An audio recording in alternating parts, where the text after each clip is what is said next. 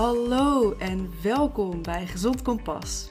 Gezond Kompas is het platform over duurzame gezondheid. Voor nieuwsgierige mensen die hun gezondheid echt belangrijk vinden. Wil jij vitaal door het leven gaan? Wil jij je gezondheid echt begrijpen?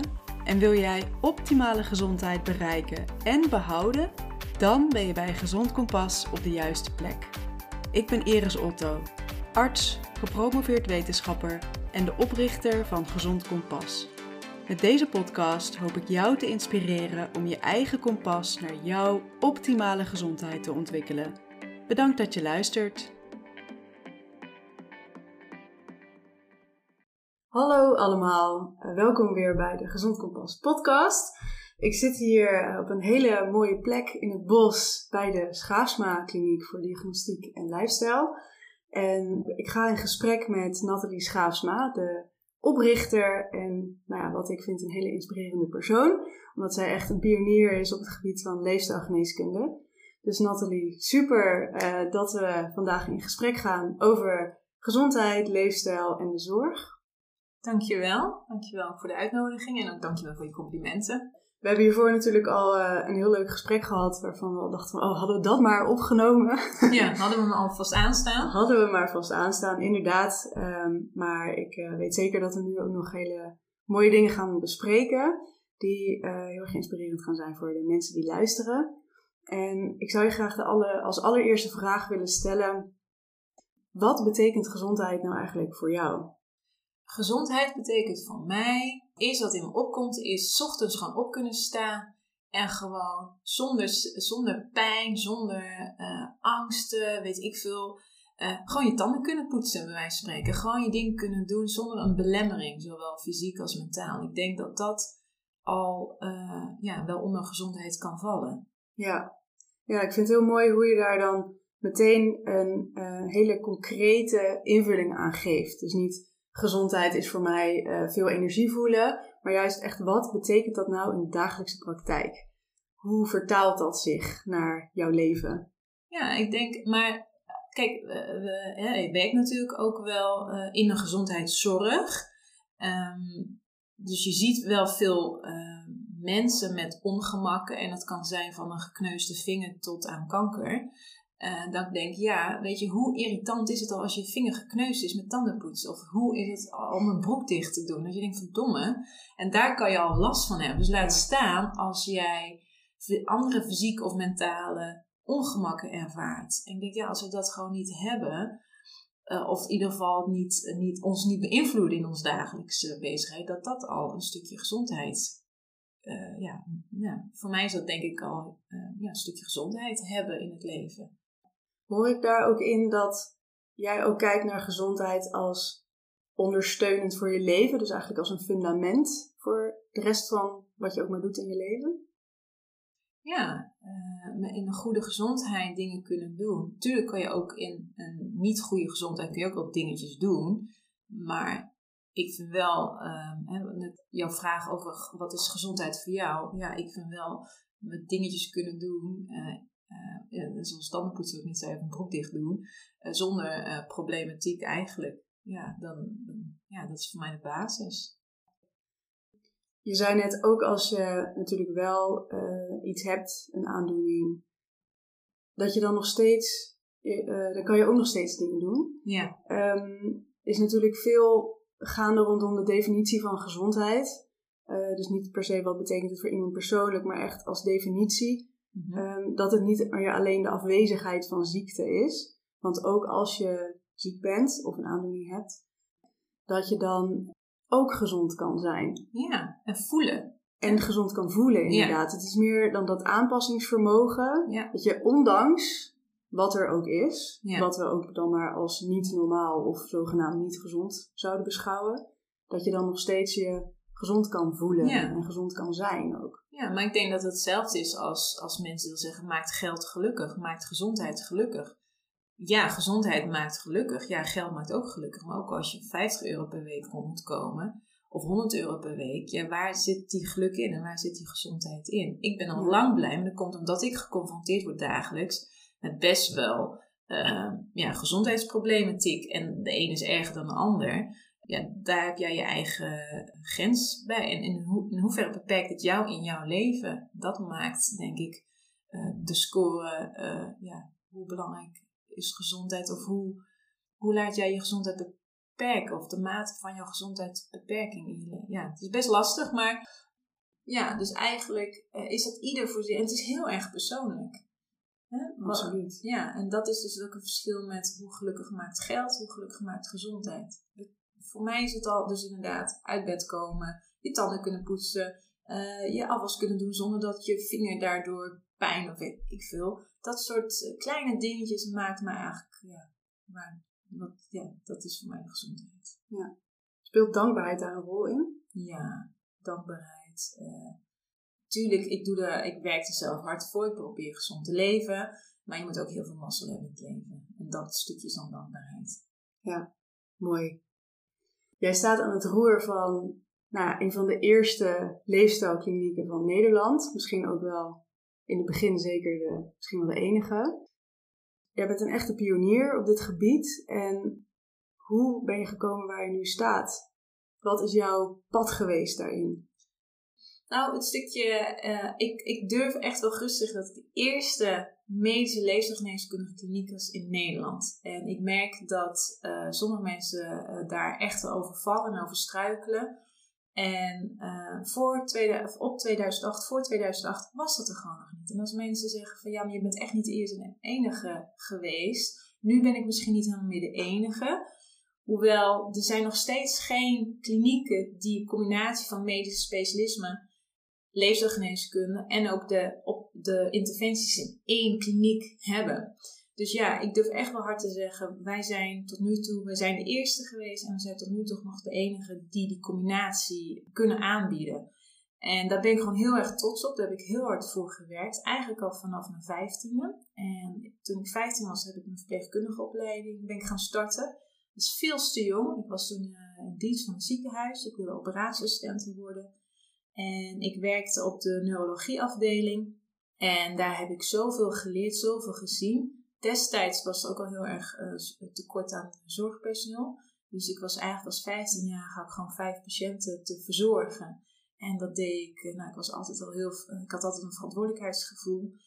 Dus eigenlijk vanaf mijn vijftiende loop ik al wel mee in de gezondheidszorg. Nou, ik ben nu 38. En op een gegeven moment ben ik gestopt met de verpleegkundige opleiding, omdat het gewoon eigenlijk te veel was. Ik had een reanimatie op mijn 16e. En uh, ja, dat is natuurlijk allemaal best heftig op die leeftijd. Sowieso heel heftig. Überhaupt mee heftig te maken, om ja. mee te maken, laat staan ja. op die leeftijd. En toen heb ik eigenlijk een uh, pad gekozen van, nou, nu ga ik echt doen wat ik uh, eigenlijk altijd wilde. Dat was dansen en zingen. Mijn ouders hebben me daar altijd een beetje voor behoed. Uiteindelijk heb ik het geprobeerd, maar ik kan niet zingen. Dus dat was een, was een korte introductie wat dat betreft. Maar toen heb ik SEALS gedaan in, in Arnhem de sportopleiding en fitnessmanagement gedaan. Ook wel de danskant opgepakt. Toen heb ik uh, de personal trainingsbedrijf opgezet uh, in Fightness. En toen merkte ik dat ik uh, wel eens ja, mensen had die bijvoorbeeld knieproblemen, schouderproblemen. Ja, daar kan ik niet zo heel veel mee, want ik heb daar geen kennis van. Dus je moet eigenlijk naar een fysiotherapeut. toen dacht ik, ja, dat vind ik baan, want ik wil eigenlijk ook wel weten hoe dat werkt en hoe wat. Ten eerste ben je ook je cliënt kwijt, want die komt natuurlijk nooit meer terug. Die blijft dan bij de fysio hangen. Maar ik wilde gewoon weten, wat zit erachter? Wat kan ik doen om dat beter te maken voor die persoon? Nou, fysiotherapieopleiding gedaan. Nou, van het een het ander. Daarnaast nog opleiding gedaan.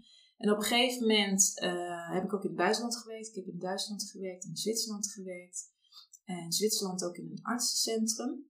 In, uh, in Zurich. En uh, daar kwam eigenlijk heel erg achter dat de mensen die naar me toe kwamen, die hadden eigenlijk al leefstijl problematiek. Dus dat wil zeggen, ze hadden medische indicatie. En eigenlijk moest het leefstijl eromheen moest eigenlijk verbeterd worden. Maar in die tijd heette dat helemaal. Leefstijl was er eigenlijk helemaal niet. Ja, wij vonden het eigenlijk heel logisch. Of dus ik vond het heel logisch. Ja, ik kan wel mijn fysiotherapie, want ik ben dan van origine een fysiotherapeut uh, geworden. En ben ik nog steeds uh, dit doen. Maar ja, uh, als u uh, elke keer uw grens overgaat, ja, dan kan ik wel u elke keer behandelen. Maar dan zien we elkaar volgende week nog. Dus die uitbreiding, die ik eigenlijk als fysiotherapeut al gaf en deed, mijn ogen kwamen toen wel open te staan. En ik dacht, ja, wacht eens even, maar dit is eigenlijk waarom mensen naar, me toe komen. En waarom mensen met langdurige klachten heel snel eigenlijk weer ja, vermindering van klachten, tot, tot de klachten zelfs weggingen. En daarin ben ik ja, eigenlijk wat meer achterover gaan zitten om te kijken hoe werkt het nou eigenlijk. Nou, uiteindelijk ben ik teruggegaan naar Nederland. En heb in Duitsland ook gewerkt als fysiotherapeut. En daar was eigenlijk hetzelfde. Maar dat was in de crisistijd. Ik had een, fysiotherapiepraktijk uh, in, in, Duitsland. En toen heb, ben ik daar eigenlijk wel mee gestopt. Uh, omdat het te, te, intensief was voor al die dingen eromheen. Ik kon niet echt alleen maar vak uitoefenen. En toen heb ik gezegd, nu wil ik alles gewoon bij elkaar hebben. Dus toen alle specialismen die ik uh, nodig achtte, uh, die we moesten hebben in het team uh, om mensen te kunnen helpen, optimaal te kunnen helpen, therapeuten. En zo hebben we het eigenlijk steeds opgebouwd, opgebouwd, opgebouwd. Totdat wat het, wat het nu is. En nu zijn wij gewoon een, een, een, ja, eigenlijk, ja, wel een pionier, maar ook wel een vertrouwenspersoon voor verwijzers van specialisten en artsen uit het ziekenhuis. En dat, ja, daar ben ik zo trots op. En ja, we zijn er nog lang niet, maar het begin is zeker gezet. Ja, mooi, mooi verhaal. En ook, ja, dit spant natuurlijk over vele jaren. Ja. Dat je hier al mee bezig bent. En um, voor zover ik de, de Schaafsma Kliniek ken, is het vooral ook met name de afgelopen twee jaar ongeveer echt explosief gegroeid, heb ik het idee. Ja, klopt. Uh, net voor de, nou niet net voor de corona, ik moet even terugdenken. Dat is 2018. Ja, 2018. En toen uh, zijn we ook verhuisd, groter geworden, zijn we hier naartoe gegaan. En toen uh, kwam de corona-sissel. Ja, en door de corona is natuurlijk heel veel negativiteit. En de positiviteit die ik heb gezien is wel dat mensen veel bewuster zijn geworden van überhaupt leefstijl en wat het kan zijn. Alleen, mijn inziens heeft nog een beetje een negatieve lading. En wat bedoel je daarmee? Wat, hoe, wat voor negatieve lading zit er op leefstijl? Nou, eigenlijk als we zeggen, of we vinden zelf, oh, we moeten, ja, mijn leefstijl is niet helemaal uh, goed, het kan wel beter. Ach, dat je denkt, dat men denkt, oh god, ik moet afvallen, oh god, ik moet gaan sporten. En er zit zoveel moeten bij, terwijl als we naar Zwitserland gaan voor retraite, dan zijn we als eerste die in het vliegtuig zitten. En dat is hoe wij uh, leesinterventies eigenlijk uh, aanbieden en geven. Nou, je ziet hier nu ook in de kliniek, het is iets heel anders dan als in een ziekenhuis of in een reguliere praktijk. De sfeer is heel anders, maar dat is ook in ons werk en ook in interventie. Het is leuk om hier te zijn, het is leuk om met leefstijl bezig te zijn. En je hoeft niet alleen maar hier te zijn, met de begeleiding die wij doen, niks moet. We proberen te educeren, we nemen je mee aan de hand en ja, dat leefstijl is, optimalisatie is gewoon eigenlijk heel erg leuk. Ja. ja, want dat is inderdaad wat ik vaak het idee heb dat als het over uh, gezonde leefstijl gaat of over gezonder leven, dat mensen vaak het idee hebben van, oh dan mag ik van alles niet meer of ik moet dingen, uh, het is saai, het is ongezellig, ik moet heel veel discipline hebben. Dat is inderdaad best een negatieve lading op leefstijl en gezond leven, terwijl ik er absoluut van overtuigd ben van het is ook heel erg leuk om daarmee aan de slag te gaan. Je voelt je zoveel beter. Het gaat je zoveel brengen in je leven. Hoe kunnen we die switch maken van die negatieve lading naar die positieve lading? Jij doet dat al in, mhm. in de kliniek hier. Maar hoe kunnen we dat nog in de maatschappij meer bevorderen? Ja, uh, ik denk niet dat ik daar 1, 2, 3 een antwoord op heb. Maar ik denk wel dat we... Uh, nou, er zijn natuurlijk heel veel pioniers, gurus op leefstijlgebied. Uh, maar ook artsen. Uh, artsen die mensen eigenlijk adviseren om bezig te zijn met hun leefstijl. Gooi het gewoon positief erin. Want het is ook echt positief. Uh, en leuk. En, maar ja, als je het zelf nog niet ervaren hebt. Ehm, ja, dan is het wel heel moeilijk om dat over te brengen. Dus ja. misschien heeft dat tijd nodig. En, maar ik denk ook dat men het moet ervaren. Ja. En wat zou daarin een mooie eerste stap zijn voor mensen? Stel hè, iemand die nu luistert en denkt: oké, ik wil het positieve gevoel van leefstijl ervaren. Mhm. Wat zou een mooie eerste stap zijn? En dat is natuurlijk heel persoonlijk voor iedereen, maar wat zou in het algemeen een goede stap zijn? Um, ik denk dat je uh, eerst kan vragen jezelf: doe ik het voor mezelf of doe ik het voor een ander? Moet dit of wil ik het? Ja. En op het moment als je weet wat je wilt, weet je ook wel welke richting je uh, uit moet om te zoeken van uh, waar, kan ik mijn, waar kan iemand mij helpen. Natuurlijk kan ik zeggen van je bent altijd welkom in de kliniek. Maar de eerste vraag is altijd wat wil jij en wat heb jij daarvoor nodig? En uh, misschien heb je al dingetjes in je omgeving. En ik denk dat dat de eerste stap is. Ja, mooi. Dus echt gaan kijken naar waar doe ik het eigenlijk voor en voor wie? Nou, waar we het net over hadden, dat mensen zich mogen realiseren dat ze het verdienen om daarmee bezig te zijn, om zich op die manier te voelen. En dat als je die realisatie bij jezelf krijgt van ik doe het voor mezelf en ja, vanuit zelfliefde, dat dat al zoveel krachtiger is dan ik zou dit moeten. Ja. Want ik denk Anders dat wordt het niet geaccepteerd of iets dergelijks. Ja, ik denk alleen het stukje ook met zelfliefde en uh, voor jezelf gunnen, dat sommige mensen ook op afhaken of misschien nog een beetje allergie voor hebben, omdat het heel erg zwevig klinkt of een beetje dat geitenwolle sokken. Ja. Uh, ik denk als je tien mensen hier voor me zou hebben staan en je zou zeggen, wil jij eh, goed voor jezelf zijn, zou iedereen ja zeggen. Ja. Maar ik denk dat de vraag is hoe. En misschien nog ineens qua interventies, maar wanneer dan? Uh, ik heb kinderen, ik werk, ik heb huishouden, ik heb dit. Ik denk dat dat ook wel heel erg de vraag is waar mensen tegenaan lopen. En voor je het weet ben je weer vijf jaar verder, mm. omdat je niet daar iets mee hebt gedaan. Ja. Van ruimte creëren voor jezelf. Ik denk dat iedereen dat wil, maar de vraag, hoe dan? Ja. ja, dat is inderdaad een hele belangrijke vraag. En die kunnen wij nu niet hier in een paar minuten invullen voor iedereen. Nee. Ik denk ook nog wel dat er want hoe is de invulling daarvan? En ik denk dan even aan die gouden cirkel van Simon Sinek. Van uh, why, how, what.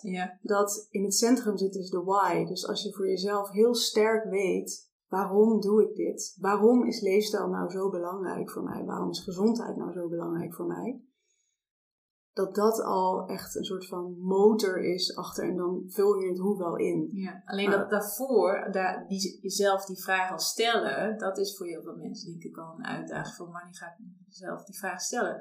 Ik zeg wel eens tegen mensen van goh, eh, kijk nu is het natuurlijk met de corona is het wat lastig, maar ga maar eens een stukje fietsen of ga maar eens lopen, doe maar eens ergens een kopje thee gewoon zelf. Of ga ergens een kop koffie drinken en uh, ja, ga maar eens gewoon zitten en kijk maar wat er gebeurt. Wat komt er dan op? Ja, ja, maar dat stuk is eigenlijk al voor heel veel mensen een, uh, een hele opgave. En dan kom je misschien een beetje uit, misschien bij het antwoord van hoe is de maatschappij tegenwoordig. En uh, ja, misschien is het wel een utopie om te denken, maar ik denk wel dat, dat als we wat meer tijd voor onszelf maken, en dat kan de corona. Hè? Sommige mensen die eh, zijn zichzelf heel erg tegengekomen in de corona, omdat je dan inderdaad uh, even uh, een stap terug hebt moeten doen. Hè? Thuis zitten met je partner, met kinderen. Is dit het? Is dit het werk wel wat ik wil?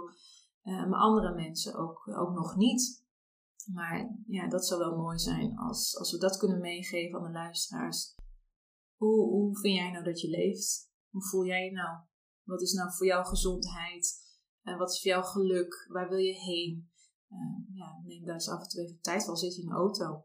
Denk ja. er eens even over na. Ja.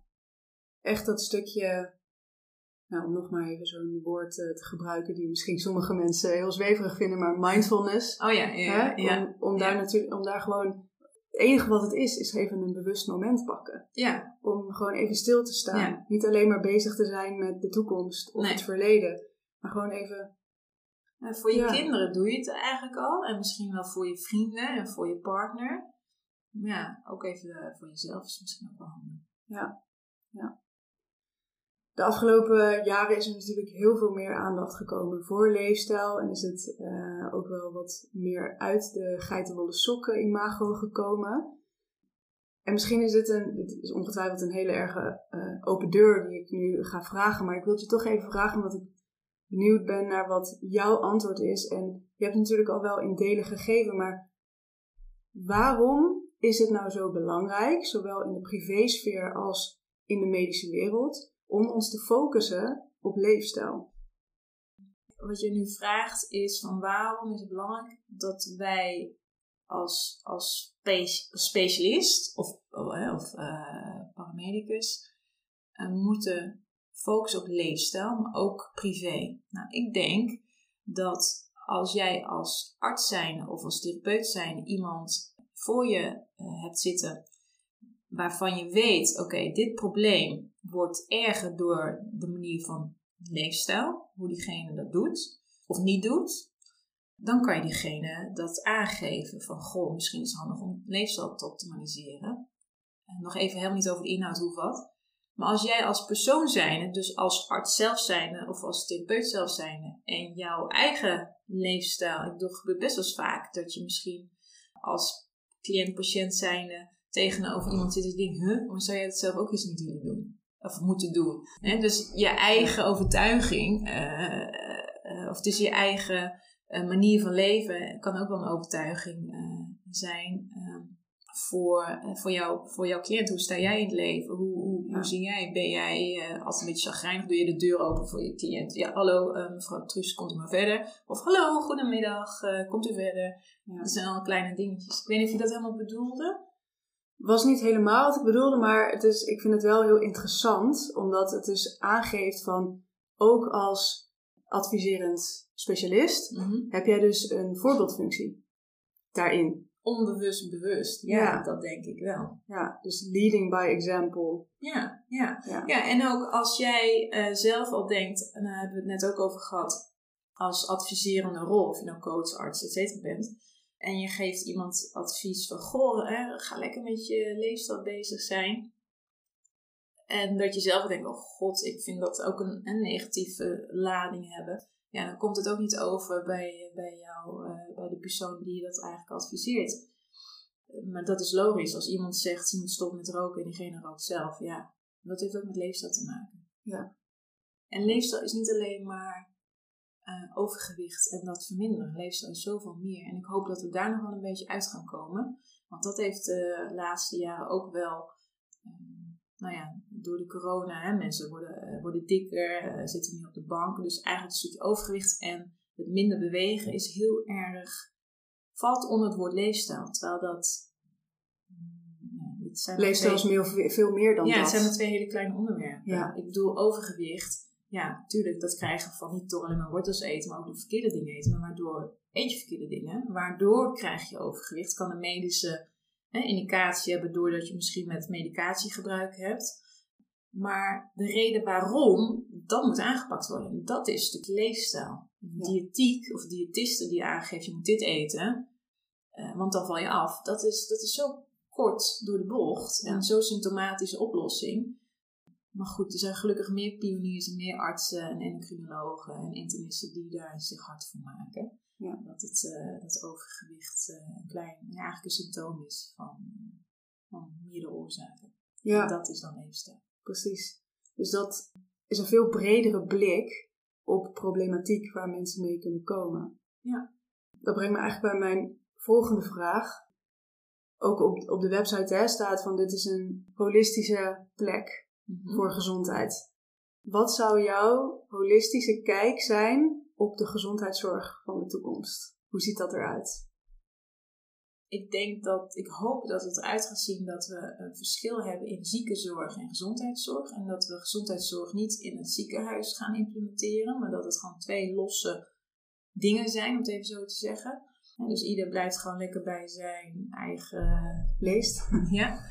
En dat we ook naar elkaar kunnen verwijzen op het moment als, uh, nou ja, als, en, dat is misschien ook nog wel belangrijk, is er zijn nu zoveel leefstijlcoaches uh, uit de grond uh, gestampt. Terwijl heel veel hebben eigenlijk helemaal geen medische basiskennis of medische kennis of paramedische kennis. Terwijl ik denk, ja, dat vind ik wel bloedlink. Want als jij bij een coach komt, hè, stel je luistert nu naar, naar deze podcast en denkt, oké, weet je, je hebt gelijk, ik wil inderdaad wat meer voor mezelf zorgen, wat meer tijd uh, gunnen. Ik wil, uh, ik wil een leefstijlcoach uh, naast me hebben. Nou, die leefstijlcoach die gaat een intake doen, die gaat vragen hoe voel je, heb je lichamelijke klachten, heb je, hè, hoe is het met je mind en je geest. En jij zegt, ja, ik heb eigenlijk wel schouderklachten en ja, ik heb ook wel eens hoofdpijn. Oh ja, dat kan spanning, kan stress zijn. Ja, ja, ja, zegt die coach. Maar het kan ook een longtoptumor zijn. Maar jij als cliënt weet het niet en je coach weet het niet. Dus we moeten heel goed weten als coach zijnde, leefstijlcoach, maar ook als cliënt, potentiële cliënt, let op die grenzen en bewaak die voor jezelf, maar bewaak die ook voor jouw cliënt. En daar maak ik me wel een beetje druk om. Want omdat we dat ook hier terugzien in de praktijk. Iemand die al een jaar lang met iemand gepraat heeft om die stress naar beneden te krijgen. Maar die heeft iets anders medisch onder de leden. En hoeft niet gelijk heel erg zijn de kanker. Maar daardoor is iemand wel, uh, doordat er zo op stress zit, uh, niet meer gaan werken. En van het een en het ander financiële problemen krijgen. Ja, dan denk ik, jongens, waar zijn we mee bezig? Maar dat is een verantwoordelijkheid voor ieder.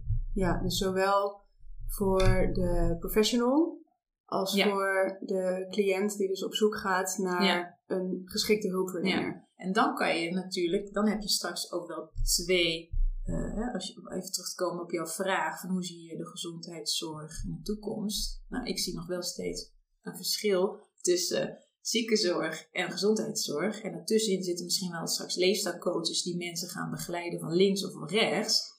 Ja. Maar dat is dus wel de regie nog wel binnen het medische stuk ja, ligt. Zeker, ja, zeker. Ja. Ja, ja, ja, En dat, geldt dat dan ook voor preventie? Nee, dat vind ik bij de verantwoordelijkheid voor eh, de persoon zelf. Preventie is natuurlijk ook heel breed. Preventie is op tijd naar bed gaan, uh, of genoeg slapen, of naar een sportschool gaan, of een andere sport beoefenen ja, dat is toch wel verantwoordelijkheid voor jezelf. Alleen de kennis, ik bedoel, sla nu internet open en kijk naar wat je allemaal kan doen. Of wat je moet doen, al is het met eten. Je weet niet meer wat je allemaal moet doen. Dus het stukje educatie uh, is ook wel belangrijk. Waar haal je de kennis vandaan? En dan denk ik, ja, dan vind ik toch het stukje wetenschap wel heel erg belangrijk niet alles is natuurlijk nog onderzocht. Dus ja, werkt het wel, werkt het niet. Dus het is ook heel moeilijk om alles op de hoogste niveau van wetenschap te onderzoeken. Ik wou net zeggen, kijk gewoon uh, en, en denk ook gewoon weer even logisch na. Dat zou ook wel handig zijn. Dus ja, daar zit ook wel een stukje medisch wetenschap ook nog, is ook wel belangrijk over kennis.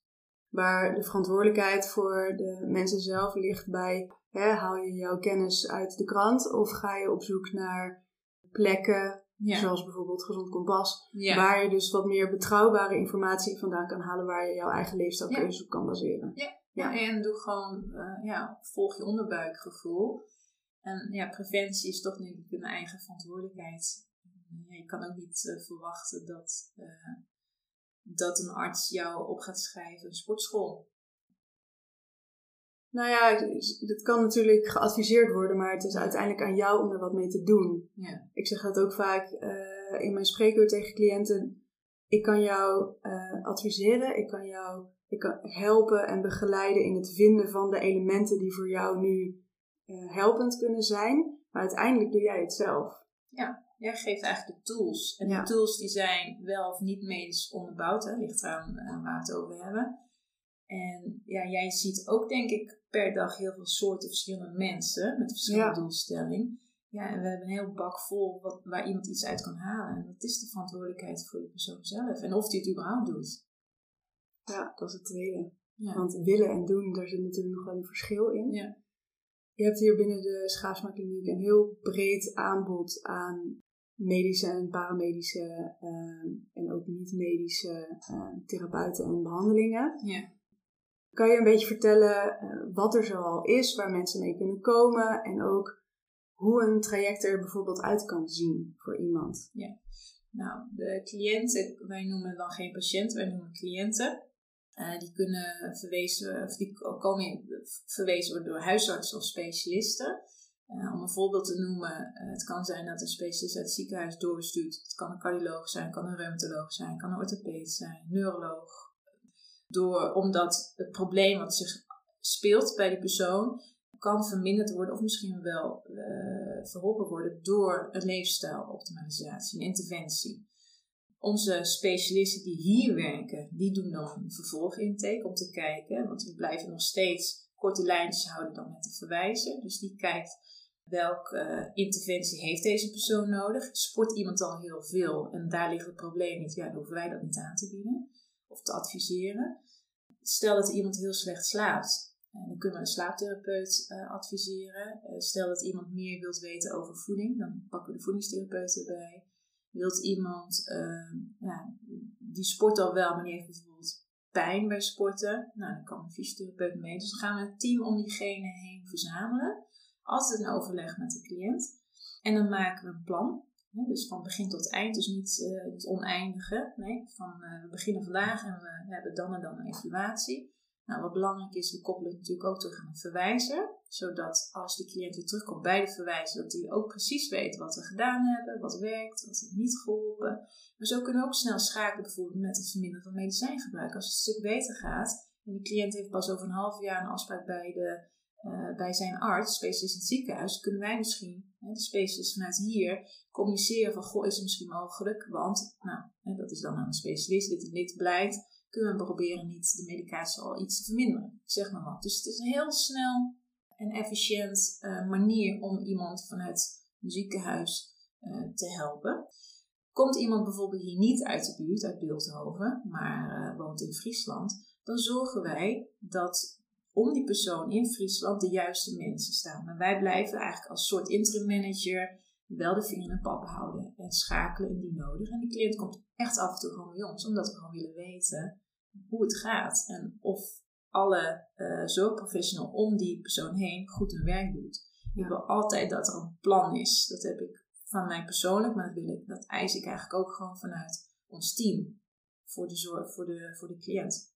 Maar mensen kunnen hier ook terechtkomen als zeggen, nou ik wil eigenlijk gewoon lekker hier even gewoon een ontspanningsmassage hebben. Of goh, ik vind het wel leuk om hier mee te trainen.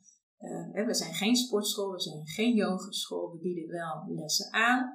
Niet op abonnementbasis, gewoon op rittenkaarten. Dus heb je het een keertje nodig omdat je zegt, oh, ik, ik heb nu, nou in decembermaand was het natuurlijk best wel uh, druk voor de meeste mensen. We hebben ook nog de coronasissel, waardoor we ja, niet naar sportscholen of et cetera kunnen. Maar mensen kunnen dan wel online zeggen, van, nou ik wil toch even yogales volgen. Nou dan kan het. En dan is het tien keer. En als iemand zegt, nou ik heb het nu weer goed, uh, ik ga weer verder. Nou prima. Uh, mensen kunnen dus met uh, ja, vragen, problematiek, met betrekking tot voeding bij ons terecht, met slapen, lichamelijke problematiek, mentale problematiek. maar het kan ook heel simpel zijn fysiotherapie of oefentherapie. het is heel breed. Ja, een heel compleet uh, aanbod eigenlijk. Ja, ja, je moet het eigenlijk zo zien. Je gaat naar een retraite. Het enige wat wij nu niet hebben is een zwembad en een wellness. Echt een grote wellness eromheen. Ja. Dat zou nog een 2.0 Misschien nog iets voor de toekomst. ja, ja, ja, ja, dat je denkt, nou, ik ga niet naar Zwitserland, maar ik ga naar Beeldhoven. Ja. Is dat wel iets uh, waar je van droomt misschien? Hoe, hoe zou je de Schaafsmakliniek nog verder willen uitbouwen? Nou, ik denk de toekomst voor de Schaafsmakliniek ja, uitbreiden. Daar zijn we ook mee bezig. Uh, dat is natuurlijk hartstikke leuk. Maar ik denk ook het stukje, dat is misschien wat meer een privé-doelstelling voor leefstijlgeneeskunde, het een prominente rol geven in, in Nederland onder cliënten, maar ook onder uh, artsen, specialisten. Want de vraag bij de arts-specialist is ook nog wel van waar kan ik dan naar mijn cliënt eigenlijk naartoe sturen? Om dat een duidelijkere uh, positie te geven. Ja, ja, mooi. Dan nog een vraag. Leefstijl spant natuurlijk uh, over het hele gebied van gezonde mens tot de ernstig zieke mens. Um, en leefstijl kan een rol spelen in uh, ondersteuning van de vitaliteit bij gezonde mensen om bijvoorbeeld behandeling beter aan te kunnen. Leefstijl kan een rol spelen echt als interventie. Hè, denk aan keer diabetes om. En leefstijl speelt een belangrijke rol in preventie. Er komt steeds meer aandacht voor eh, het medische stuk van, uh, van leefstijl en leefstijlinterventies. Daar is uh, binnen de zorgverzekeraar er zijn er een aantal programma's, dus stoppen met roken, uh, de GLI en mindfulness, dat die worden vergoed. Verder valt het nog best wel tegen hoe uh, de financiering van leefstijlinterventies is geregeld. Hoe kijk jij daar tegenaan? Zie jij daar mogelijkheden binnen? Hoe dat uitgebreid zou kunnen worden en op welke manier? Ik denk dat het een uitdaging is voor de huidige manier van zorgverzekering om preventie te vergoeden. En vroeger had je bijvoorbeeld als je huidproblematiek had, dan kreeg je wel eens een verwijzing om naar Tsjechië te gaan om naar die baden te gaan. Dat is een dure grap, maar het werkt wel. En ik snap best dat de zorgverzekeraar dat niet meer kan vergoeden. Ja. want de zorgkosten die reizen de pan uit. Ja, omdat stress toeneemt. Nou, stress en huidproblematiek, dat gaat vaak uh, in één hand samen. Maar wil niet zeggen dat het niet werkt. Dus we moeten ook wel een beetje opletten uh, met wat, is, wat moeten we wel verzekerde zorg uh, maken en wat niet. En als we het niet maken, dan niet zeggen dat het niet werkt of niet is, maar dat het gewoon te duur is. Dus ja, hoe, zitten we, hoe gaan we nou? Ik vind wel dat als er een medische indicatie ten grondslag ligt, dus als, hè, als, wij hier cliënten hebben waar een letterlijk een arts verwijst, vind ik eigenlijk wel dat dat een gedeelte, of misschien alles, vergoed moet worden. Onze tarivering is heel erg laag, dus daar kan het niet aan liggen dat het niet vergoed wordt. Maar het is de manier waarop. De formule bestaat gewoon nog niet. En ik denk dat de zorgverzekeraar, uh, dat, dat ze daar echt nog wel mee bezig zijn, maar dat het gewoon nu nog niet is. En ik ben wel heel benieuwd uh, uh, hoe dat over een paar jaar zal zijn. wij proberen in ieder geval de zorg de tarivering voor de mensen zo laag mogelijk te houden. Maar goed, wij moeten ook ons brood verdienen. En ja. alles kost ook gewoon veel geld. Ik bedoel, de studie van een arts is ook niet zo. Hè? Dus nee. nee, daar kan je ook over meepraten. Dus ja, het zijn wel mensen die je in je team hebben die echt wel goed geleerd zijn. Ja, en dat kost ook gewoon geld. Ja, wij hebben in ieder geval een nieuwe manier waar het voor iedereen, voor iedereen goed is. En natuurlijk zijn wij, praten met zorgverzekeraars van wat zijn de mogelijkheden. En ik denk niet dat het zozeer het niet willen is vanuit de zorgverzekeraar. Eh, maar dat ze gewoon nog bezig zijn om te kijken hoe. Met hoe. Ja, en welke, wat we net ook zeiden, van je hebt leefstijlcoaches. Maar ja, de meeste hebben helemaal geen, eh, geen affiniteiten met de medische of paramedische problematiek. Ja. ja. Dus wie vergoed je dan wel? Wie vergoed je wel, wie vergoed je niet? Ja. En uh, de zorgverzekeraar wil heel, heel graag wetenschappelijke interventies vergoeden. Maar ja, dan moet je ook wel open voor staan dat je soms een beetje out of the box denkt van oké, wat doet nou niet geregistreerde uh, die wij plaatsen in interventie, die we onderzoeken. Misschien kan het wel iets heel moois opleveren. Ja. Hè? Kijk naar een glycoach was ook niet meer geregistreerd. Ja. Uh, mindfulness trainer ook niet. En uh, ik denk dat een yoga, een hele goede yogatherapeute, eh, heel erg belangrijk kan zijn in het optimaliseren bij een klacht. Bijvoorbeeld bij een chronische rugklacht, je hoef je altijd extra te gaan sporten. Je kan ook kijken, nee, deze persoon is eigenlijk heel erg stijf. Zou yin yoga niet iets zijn? Ja. Nou, dan vind ik dat yoga kan heel erg belangrijk zijn. Alleen ook daarin heb je natuurlijk verschillen. In Amerika zijn ze al wat verder met yogatherapie. Dat is hetzelfde als dat je naar een fysiotherapeut gaat, kun naar een yogatherapeut gaan. En uh, daar uh, bepaalde behandelingen krijgen, gericht op jouw uh, klacht eigenlijk. Ja. Dus misschien dat we die kant ook wel opgaan, maar voorlopig zie ik dat nog niet zo zitten. Nee. nee, wat natuurlijk lastig is, in mijn inziens, twee dingen. Aan de ene kant is dat we willen die wetenschappelijke onderbouwing, maar zeker bij hele gepersonaliseerde interventies is het natuurlijk heel moeilijk om daar een wetenschappelijk onderzoek op los te laten, zeker op het hoogste wetenschappelijke niveau.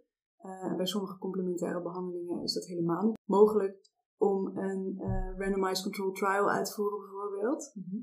En anderzijds, wat het lastig maakt van preventie, is dat um, je, kan, je hebt geen glazen bol en we, en we hebben geen parallel universum. Dat, hè, je weet niet wat er was gebeurd als we niet deze preventieve leefstijl uh, interventies hadden toegepast. Of iemand dan wel ziek was geworden. En bovendien gaat het over een hele lange tijd.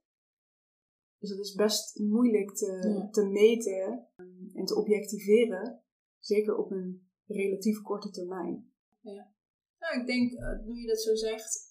Kijk, we, het is, we hebben allemaal best wel een goede mening, een duidelijke mening over corona vaccineren we weten eigenlijk helemaal niet wat de toekomst biedt. Dus we zijn zo, zo strikt van nee en we doen het niet, of we doen het wel.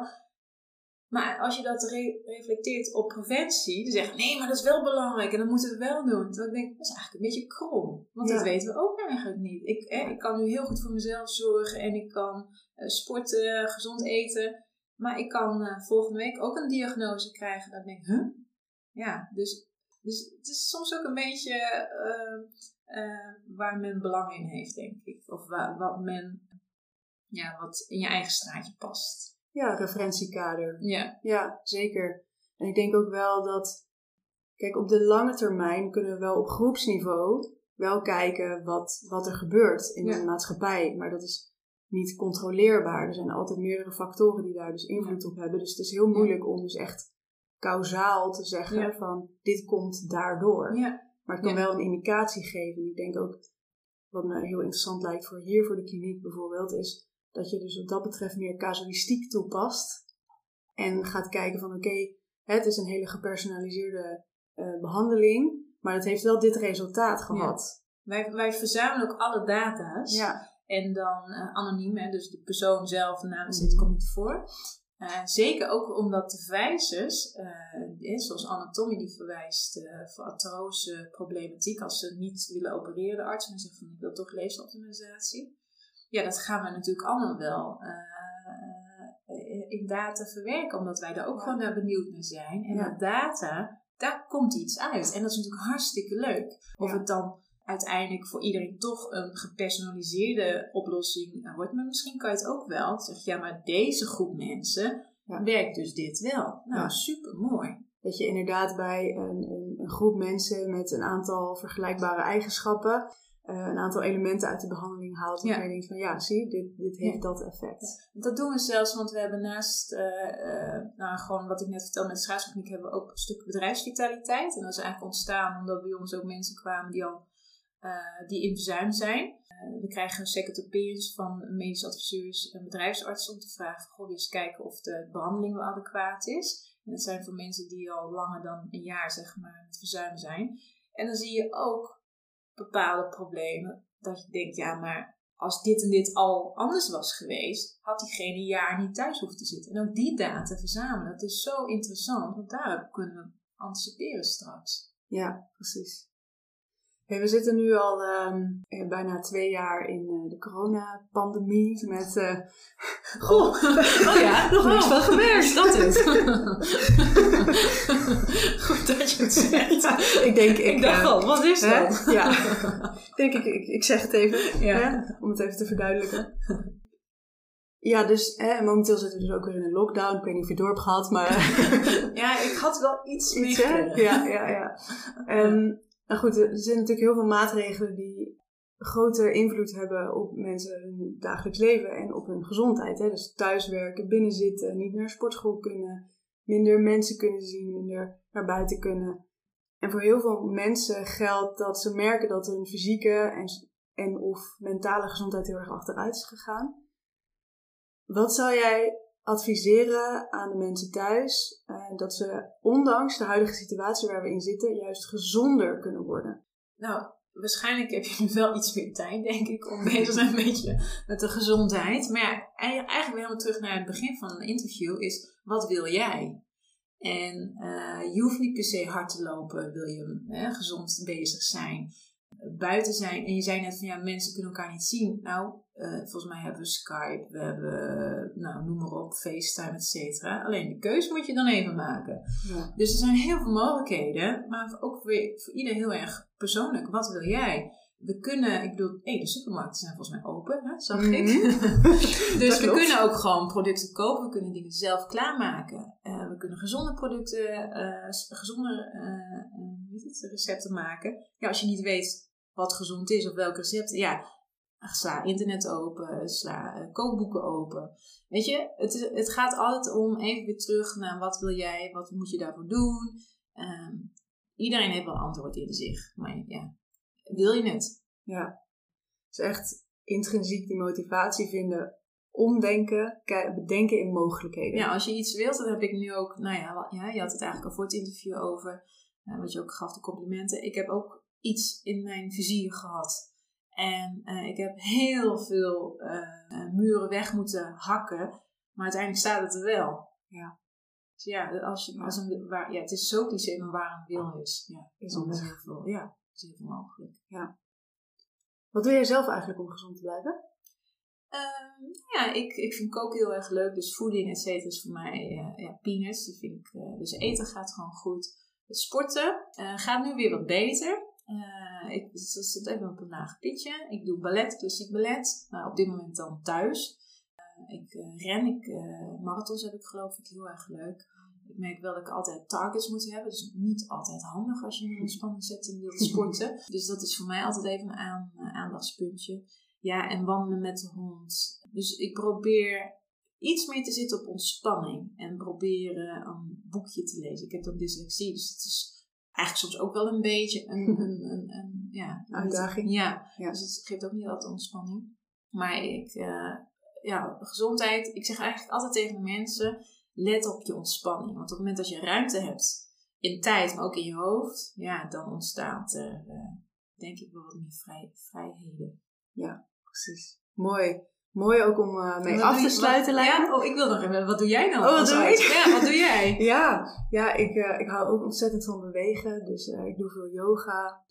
Toevallig, ja, mijn sportschool is nu natuurlijk dicht, maar ze Ja. organiseren wel buiten af en toe bootcamps. Dus Oh, ja, daar doe ik af en toe Ja. mee. Een klein beetje spierpijn nog. Oké. En ja, inderdaad, buiten wandelen in het bos, heerlijk. Ehm, en inderdaad, die ontspanning, dat is voor mij ook wel een puntje, omdat ik graag veel dingen doe en Ja. veel dingen wil bereiken en zo. Maar eh, ja, ontspanning is in- inmiddels wel eh, een heel belangrijk element geworden in mijn eigen leefstijl. Ja, ja. Dus eh, ja, dat vind je, kan je in van allerhande dingen vinden. Of dat Ja. nou een wandelingetje is, of inderdaad een boekje lezen, of koken. schilderen. Ik heb vroeger heb ik wel eens geschilderd. Dan was ik twee uur eigenlijk gewoon helemaal monddicht. En, en daarna gooide ik het weg, want het zag er niet uit. Maar ik heb, ja, ik had zo, zo, ja, gewoon even een moment creativiteit. En even rust. Nergens aan denken, behalve aan, oh ja, hoe ging je die kleur ook bemengen? Welke kreeg je, wat Ja. ik nou groen, et cetera.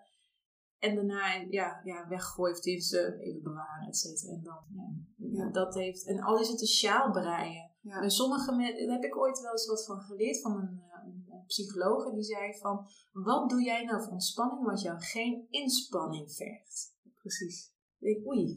Ja, ik denk, ja, ik, kan al, ik wil wel breien, want er komt er een sjaal uit. Nou ja, schilderen komt er een schilderij uit. Maar goed, dat is niet op eh, hoog niveau, dus dat gaat eigenlijk ook weer weg. Dus dat is eigenlijk ook wel interessant. Van wat kan je doen voor ontspanning wat jou geen energie kost? Ja. Dan denk ik, ja. wat brengt jou in een staat van flow? Ja.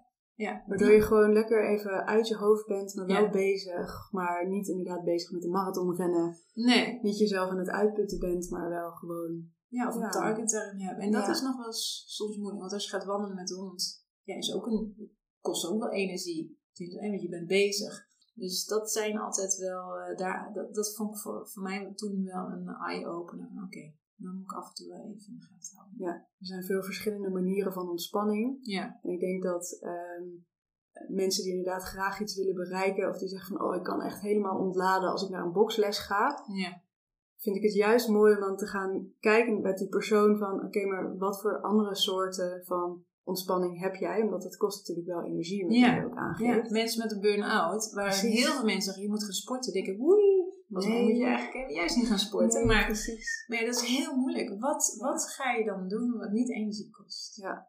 Ik denk dat dat eh, een kwestie van experimenteren is. En ook openstaan voor, nou ja, een paar jaar geleden werd breien natuurlijk ineens Ja. heel erg populair. Ik heb een Ehm, cliënt die nu boetseert. Ja, gewoon dingen, dingen proberen, Ja, een beetje out of the box denken. En eh, ja, het is momenteel natuurlijk iets, iets moeilijker om naar een cursus of een workshop te gaan. Maar ja, als de winkels toch? weer open zijn, eh, koop wat bij zo'n knutselwinkel. Vroeger had je toch die schilderbob eh, met die afro-achtige haardos.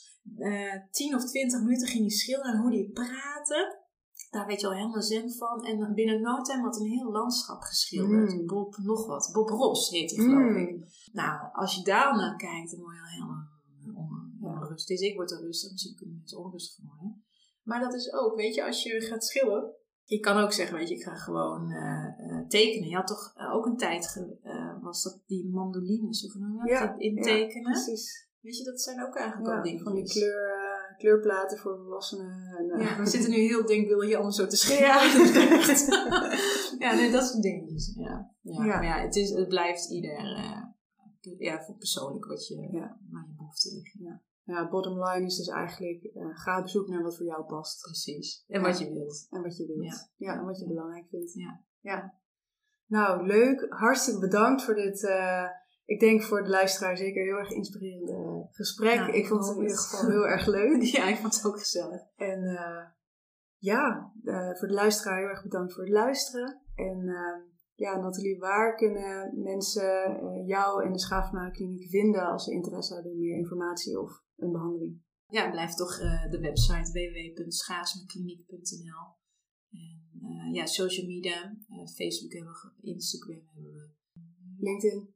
LinkedIn. Oh ja, LinkedIn hebben we ook. Dus daar kan je ons volgen. En wij proberen nieuwsbrieven te sturen. We proberen nieuwsbrieven te sturen waarin niet staat van advocaten van advocaten gaat je haar glimmen. Maar gewoon echt goede informatie waar jij je ook hard voor maakt. Ja. En uh, ik denk uh, ja, dat men ons wel kan vinden als ze dat willen. Ja, top. Ik zal het ook in de, in de show notes zetten wat uh, de links zijn. Dus dan kunnen mensen via de website, via mijn website, via Gezond Oh. Kompas, Ja, ja. kunnen ze de schaafsmarkt Ja. ook gewoon vinden. Dus ja, heel erg bedankt voor het gesprek. Ja, en dankjewel. Jij ook. Heel veel succes. Dankjewel. En voor de luisteraar heel erg bedankt voor het luisteren en een hele fijne dag gewenst. Je luisterde naar de podcast van Gezond Kompas. Ik hoop natuurlijk dat je deze aflevering waardevol vond. En ik waardeer het ontzettend als je de podcast met anderen deelt en een beoordeling en een recensie achterlaat. Dit helpt namelijk om de podcast te laten groeien en zo meer mensen te kunnen ondersteunen in duurzame gezondheid. Dus alvast bedankt voor je moeite. Abonneer je op dit podcastkanaal om op de hoogte te blijven van nieuwe afleveringen en volg Gezond Kompas op Instagram. Voor alle artikelen, downloads en andere handvatten voor een duurzame gezondheid, ga naar gezondkompas.com. Nogmaals bedankt voor het luisteren en graag tot de volgende keer.